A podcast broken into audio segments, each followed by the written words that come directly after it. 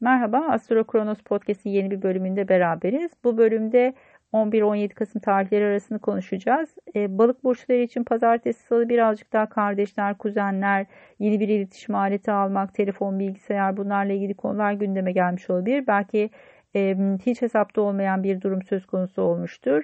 Belki bir yolcu masrafı çıkmış olabilir. E, bunlarla ilgili konular daha fazla gündemde olacaktır. Zaten Dolunay'la ilgili e, podcast'te biraz bunun üzerinde durmuştuk.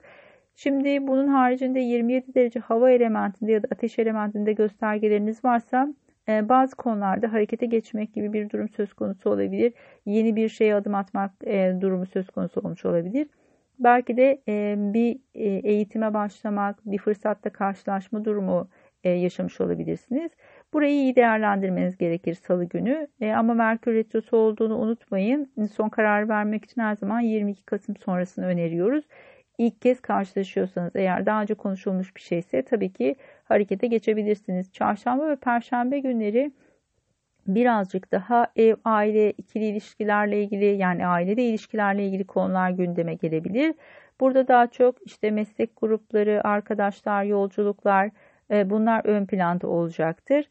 Daha sonrasında perşembe günü iş hayatında bazı karışıklıklar gündeme gelebilir. O nedenle cumayı beklemenizi öneririm. Cuma günü birazcık daha keyifli zamanlar açıkçası. Cuma, cumartesi, pazar hatta eğer bir tatil durumu söz konusuysa bir tatile çıkabilirsiniz. Çocuğunuz varsa onlarla birlikte vakit geçirmek, daha çok ikili ilişkilerde yani flörtlerle ilgili konularda olumlu gelişmeler bekleriz bu süreç içerisinde.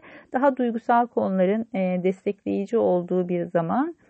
Sizler açısından cuma, cumartesi, pazar oldukça destekleyici ve olumlu gözüküyor açıkçası. Pazartesi, salı da nispeten öyle ama pazartesi, salı günü bazı gerilimli açılar da var. Özellikle işte ayın Uranüs kavuşumları vesaire onları atlattığımız için Artık önümüzde e, cuma, cumartesi, pazar var ve oldukça keyifli zaman. Perşembe günü e, sizin açınızdan hassas.